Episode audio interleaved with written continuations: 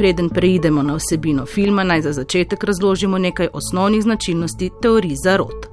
Dejstvo je, da zarote obstajajo v tem svetu, njih je zelo veliko. Dejstvo je, da netransparentno delovanje, sodelovanje obstaja. Ne? Tega ne moramo zanikati. Ne? Samo uh, teorije zarote, ki v bistvu sploh niso teorije, ampak so na nek način skupek enih uh, zelo takih raznorodnih test, ne, uh, temeljijo na prepričanju, da v bistvu prvič, da je vse povezano, drugič, da je vedno nekaj skrito in tretjo, da nič ni tako, kot se zdi. Ne? In da vedno obstaja zadej neka mehna elita, mislim, prav gotovo obstajajo določena omrežja, prav gotovo obstajajo določeni uh, interesi, finančni ali pa takšni drugačni interesi. Vse le so in vse le bodo.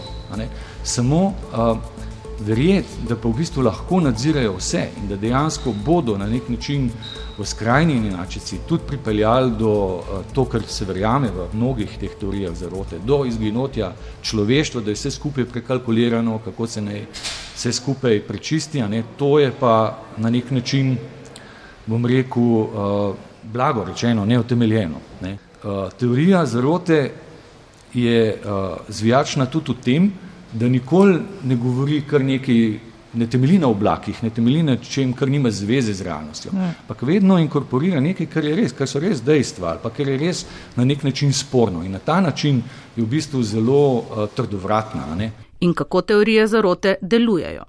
Tudi tako, da ustvarjajo skupnost posvečenih posameznikov in jim dajo občutek nadzora nad položajem, čeprav nan človek ne more v celoti vplivati. Filozof dr. Peter Klepec. Na nek način ima uvid v tisto, kar je večini skrito, s tem pa gradi na neki ve, vezi med tistimi, ki so to uvideli. Ne? So to, to je ena močna komponenta ne? uh, med tistimi, ki, uh, ki se prepoznajo med sabo ne? in ki na nek način si mal tako napihnejo ta svoj ego, mi pa vemo. Žal je tako, da je ta, ta današnji eh, svet je res zapleten ne? in nihče nima ne, ne tiste jasnovidne kugle pred sabo, niti ne ve vsega. V teorijah zarote niti iz ozadja vleče predstavniki elit in farmacevtske industrije za dosego svojih finančnih ciljev. V dokumentarnem filmu Proticepilna zarota pa vidimo, da na račun strahov dobro služijo tudi v nasprotnem taboru. Glavni akter v filmu, britanec Andrew Wakefield, je leta 1998 v ugledni britanski medicinski reviji objavil članek o neželenih stranskih učinkih cepljenja proti ošpicam, mumpsu in rdečkam. Posledice objave pa so očitne še danes, saj številni starši cepljenja svojih otrok z omenjenim cepivom odklanjajo. Kakorkoli, članek se je izkazal za prevaro. Wakefielda so izključili iz zdravniške zbornice, sam pa je še predtem iz Velike Britanije pobegnil v Združene države Amerike. Danes seveda nasprotuje cepljenju proti COVID-19. In tisto, kar uh, je res uh, grozljivo, jaz moram reči, da, da mi je prav obležalo želodce, ne, je kako uh, je v bistvu ta industrija. Ne, kako zvito naslavlja različne strahove. Govorite o anticepilski industriji. Anticepilski, ja, in kako v bistvu uh, dobi pač bogate podpornike, ki jo financirajo in z nekimi tezami, ki ne le znanstveno, ampak tudi tako zdravo razumsko ne stojijo, ne, uh, žene zadeve naprej ne, in uh, pač služi velike denarce. Ne. Tisto, kar mi je bilo zanimivo v filmu, ne, je bilo neka um, neka predstava eh, zlasti teh eh, strokovnjakov z področja Velike Britanije, ki so Andrewa Wakefielda poznali odprej, ko so se čudili, kako je temu možakarju v Združenih državah Amerike uspelo. Sprav, tukaj je bilo, pravzaprav sta bile dve vrsti čudenja. Eno čudenje je bilo, kako mu je uspelo, kako je dobil, če reče malo grdo, no, kako je dobil uspešno življenje, vilo na Floridi in še, ne vem, manekenko Elle McPherson in tako naprej kako mu uspeva, kako to gre. Uh, če pa vsi imamo na nek način spontano v glavi, da slabi fantje ali pa bad guys, ne, da so na nek način na eni točki pa pride pravična kazen. Ne, pravični kazni enostavno ni. Ne. Uh, žal. Na dru, in uh, to se pa na nek način upisuje tudi v nek registr, ki ima veliko skupnega uh, s tistim, kar se nam zdaj dogaja pri COVID-u in pri boju s COVID-om. V kakšnem smislu? Uh, zdaj, lakanovsko rečeno, pri vsaki komunikaciji obstaja neka instanca, ki mu pač lahko reče veliki drugi. Ne? Imamo to uh, neko zelo globoko zažrto predstavo v naši kulturi, kar se recimo zgodi v detektivskih romanih uh, Agate Kristi, ne, da v bistvu Hercule Poirot na racionalen način vse razloži in na nek način mu uh, zločinca ali pa zločinka ne oporekata, na nek način pristaneta na to razlago in na to, da sta kriva. Ne. V resničnem življenju je pa žal obratno. Ne. Uh, negativci ne priznajo svoje zmote, se ne, uh, ne spijo slabo. Ta Wakefield, recimo, ne, ko je ta finančni preiskovalc rekel, ko so ga vprašali, ali spi slabo. Ne, nikoli bolje. In uh, ne vem, to smo lahko videli recimo pri Trumpu tisočkrat. Ne. In prav Trump je, še preden je postal predsednik, pomagal pri širjenju Wakefieldovih idej o tem, da omenjeno cepivo pri otrocih povzroča avtizem.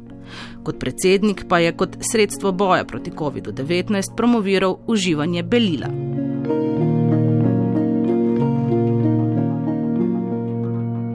Vrnimo se v Slovenijo in spomnimo na preuranjene čestitke našega premijeja Trumpu za zmago, ki je bila poraz. Bolj ko se bliža konec turistične sezone, bolj poslušamo novice o preniski precepljenosti in visokem deležu tistih, ki dvomijo o cepljenju. Filozof dr. Petr Klepec takole razmišlja o večplastnih razlogih za takšen položaj. Mi sploh še v tem trenutku, v letu in pol po pandemiji, mi nimamo niti ene resne terenske raziskave, kdo so tisti, ki verjamejo v, v teorije zarote, kako verjamejo glede COVID-a. In uh, treba se zavedati, da to ni neka enotna fronta. Ljudje so zelo različni segmenti, zelo različni argumenti, eh, tudi zelo racionalni. Ne? Ljudje pač kalkulirajo, ne? ker cepivo še ni bilo dovolj preizkušeno, bom pa sam počakal. In uh, adresirati, naslavljati ljudi samo številkami, eden na osem milijonov ima težave, pa ne vem, take podobne stvari, spregleda, da tist eden je en sam in se reče, kaj pa če bom glih jaz, ne? zakaj ne? bi sam tvegal ne. s tem, ko se grem recimo cepiti in to bi bilo treba nasloviti. Šele zdaj, mesec, dva, najprej smo začeli stojnico na preširnem trgu, zdaj imamo recimo nekaj oglasov, to bi moralo biti že pred letom, letom in pol, ne? bi moralo biti, ampak tudi zaradi nekih notranje političnih razmer in razlogov nimamo. Čeprav vidimo, da ni to samo slovenska posebnost, ne? Ne, kar je po svoje, eh, ni ravno v teho. No? Ni ravno v teho, še več. Mislim, je prav, človeka res pahne v neko bupno, ko včasih vidi, kako tudi visoki, eh, bom rekel, uradniki EME ne dajo neodgovorno izjave, eh, kako eh, različni strokovnjake ali pa govorijo enim in drugega, ne da bi recimo počakali, saj kakšen teden ali pa dva, no, mislim, se zelo veliko operira s tem stvari. Če se samo vrnem mečka nazaj, uh, razlogi, uh, da je v Sloveniji tako, kot je, so večplastni in jih ni mogoče naprtiti samo vladi, recimo. Je pa vlada definitivno odgovorna za marsikaj. In uh, tukaj bi bilo treba enostavno uh, mečkan drugačne strategije, ki pa je ne vem, če je ta vlada sploh zmožna, ker uh, tudi sama temelji na nek način na nekih teorijah zarote. Vse skozi govori o neki globoki državi, o zaroti mainstream medijev, novinarjev, eh, krivosodje, pravosodje je krivosodje in tako naprej in tako naprej. Ne. In treba se zavedati, da to se je počasi, počasi se je zažrlo vse pore družbe in zdaj se nahajamo, kjer se nahajamo. Nismo, nismo v dobri koži, tudi zaradi tega ne. Med ljudmi se zmanjšuje zaupanje v avtoritete vseh vrst, državne institucije, policijo, sodstvo, medije, zdravstvo, pa tudi v znanost. Sodobna znanost je res nekaj neverjetnega. Ne? To, da smo dobili cepivo, da znamo dobiti zdravila, mislim pa to, je, to so res čudeži. Ne? Ampak kljub vsemu temu ne, obstaja neka skepsa do znanosti, obstaja uh, pač dvom, ne, Ta dvom je pač, ne vem, utemeljen tudi na tem, da se znanost včasih upreže v določene projekte, ki so eh, lahko za človeštvo tudi pogubni, recimo vzemimo razvoj atomske bombe ali pa atomskega no, orožja. Pa poznamo ne. tudi študije, ki so plačane za to, da potrdijo ja, uh, uprit neki korporacij, podjetij. Ja, in recimo, če spremljamo recimo neke določene poljudne informacije, enkrat dobimo informacijo, da je nekaj dobro za zdravje, drugič kako je škodljivo in tako naprej. Treba je vedno pogledati, kdo to sponzorira in tako naprej. Ampak bistvo je pa v tem, ne, da zdaj znanost, ki je na nek način in bo še našla, tudi še številne druge odgovore, se je znajdla v, eni, v enem položaju, ko recimo uh, te avtoritete, ki bi jo morala imeti, ne, nima. Ne? In enostavno se tudi recimo zdravniki, večina zdravnikov, ne, ki pač zagovarjajo te ukrepe, ki so smiselni v boju s pandemijo, eh, enostavno lahko samo eh, na nek način kot neka lajna govori, zdaj, če tisti drugi ne reagirajo, pač ne reagirajo. Ne? In tukaj nihče nima nekega orožja, da bi rekel, zdaj pa poslušaj. Ne? Na koncu pridemo vedno na to, poslušaj, da je tako, ker je tako, zato je tako, ker jaz tako pravim. Sprav, vedno moramo, pač imamo pač to avtoriteto. Ja, in zaradi tega se je treba na različne načine nasloviti na te dvomljivce, skeptike in tako naprej, ki ne dvomijo vsi na en ist način. Ne? Na nek način ta zahodna demokracija ali pa to, kar imamo danes, ne, temelji seveda tudi na moderni filozofiji, ki je filozofija pri Descartu dvoma, skepse, metodičnega dvoma in tako naprej. Ne. In temeljimo pač na nekem posamezniku, ki bi zdravo moral preverjati dejstva in tako naprej. Ne. Ampak danes je zlasti eh, v časih postfaktičnosti to zelo težko, ne? ker imamo na nek način strokovnjake, kvazi strokovnjake in na drugi strani imamo res strokovnjake, nekdo, ki je lajk, zelo težko razsodja. Ne? Kaj vi pri ljudeh, ki so skeptični, razumete?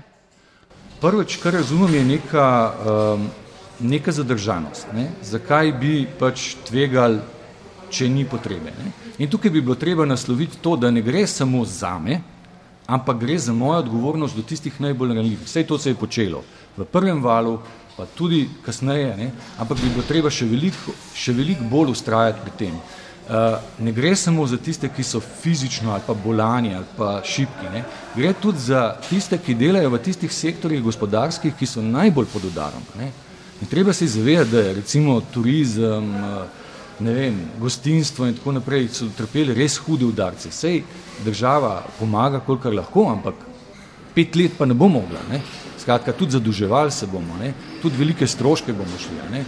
In uh, tukaj bi morali ljudi prepričati, da je v bistvu uh, cepiti se je pač potrebno. Ne? In tukaj se treba zavedati, da obstajajo zelo različni argumenti proti zelo različne uh, argumentacije, zelo različni zadržki.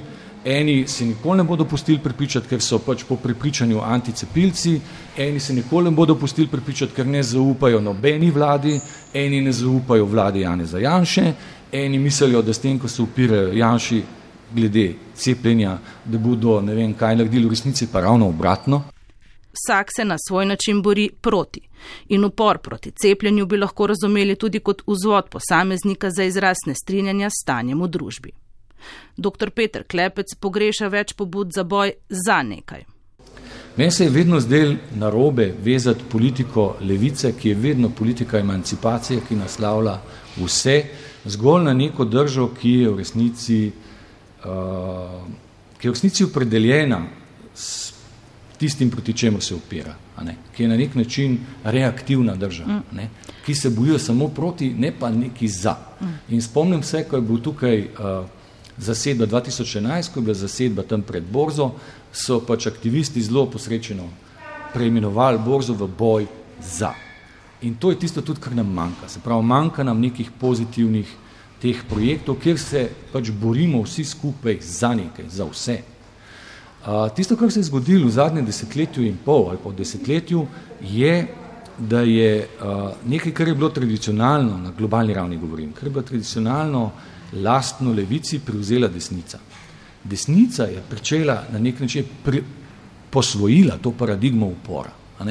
In pri teh novih populizmih, Brexitu, Trumpu, samo temu, vidimo prav to držo upiranja proti vsemu, predvsem pa proti nekim avtoritetam, proti državi, proti globoki državi, proti vsem institucijam in tako naprej. Ne? In ko v ta kontekst postavimo uh, probleme, ki jih imamo pač uh, za antivakserje in tako naprej, dobimo eno drugačno sliko. Se pravi, dobimo eno sliko, kjer uh, na nek način dobimo desnico, ki je prvič veliko bolj mednarodno povezana kot je levica, uh -huh. drugič ki ima seveda tudi izdatna finančna sredstva, da lahko tako deluje. Tretjič, ki ima neko veliko bolj izdelano platformo, ne, ki deluje na, nek, na nekih uh, idejnih osnovah. Uh, tretjič, ki ima to držo rezistence proti, ne, kar gre skupaj z uh, libertarnostjo, uh -huh. ne, ki je hkrati podlaga iliberalnih družb. In uh, četrtič, ki na nek način igra na idejo revolucije, prevrata, ne, totalnega prevrata. Ne. In uh, veliko dokumentarcev, knjig, del je že pokazalo, kako je to izrazito neodgovorna politika, ne, ki ne uh, razmišlja o tem, kaj bo pravzaprav uh, povzročila. Ne. In ko je prišlo recimo do januarskega napada ne, pač na, v Združenih državah Amerike na kongresni, to so se vsi čudili, kako je to mogoče. Ampak to je tako, kot v neki zgodbi Patricia Highsmith, o tem sem pri več kot desetletjem že sam pisal, kjer imamo v neki družini pač uh, varuško, ki je zelo priljubljena na dobrem glasu in tako naprej in tako naprej. Uh, potem pa pade v nemilost in je tik pri tem, da jo pač odpustijo uh, iz njene službe, kaj naredi, zažge hišo in junaško reši vse otroke iz te hiše. In seveda naslov zgodbe je junakinja. Ne? In zdi se mi, da je današnja desnica ali pa en del tega, kar imamo pri nas, je prav takšna požigalsko-gasilska um, naveza, no, skratka, prevladuje. Ne.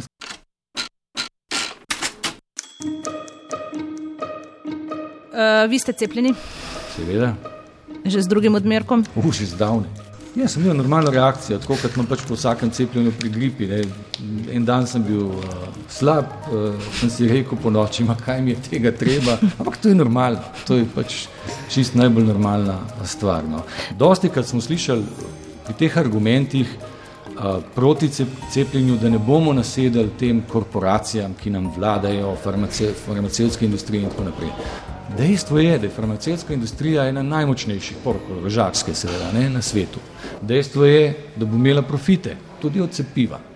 Kot če od Ampak vsega drugega. kakšno škodo bomo pa imeli, če bomo še leta in leta živeli v takšni polovični situaciji? Kakšno škodo bomo imeli mi kot državljani, kot uh, starši, kot ne vem, kot uh, ne vem, žureri, obiskovalci kulturnih prireditev, šol, karkoli. No. A bi vi bili za to, da, da se pogojuje s cepljenjem, ne vem, vstop v prostore? Vse Nekaj? To se že dogaja. Ne? Vse, vse, po svetu se že pač poguje vstop na koncerte, vstop na festivale, v, v restauracije in tako naprej. To se pač pogojuje, mislim, jaz žal moram reči, da ja.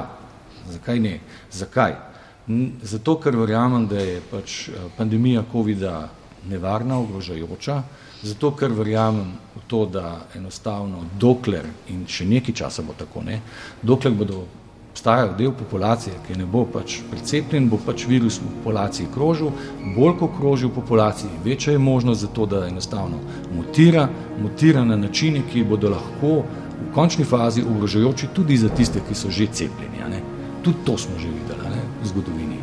In tudi zato, ker v bistvu mi kot celota, kot družba, ne kot en del, uh, uh, smo na slabšem, zelo slabšem. Ne. In jaz ne vem, mislim, vse se da filozofsko zagovarjati, eno, drugo, tretje, ampak tukaj pač enostavno se treba odločiti, zakaj smo. In uh, utemeljiti se da pa oboje.